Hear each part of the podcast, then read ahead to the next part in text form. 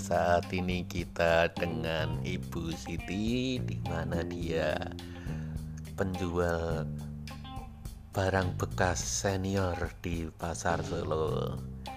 Bu Siti, ini bagaimana harga barang bekas kok sekarang malah jadi ikut harga saham internasional jadi penjualannya bagaimana Bu? Monggo.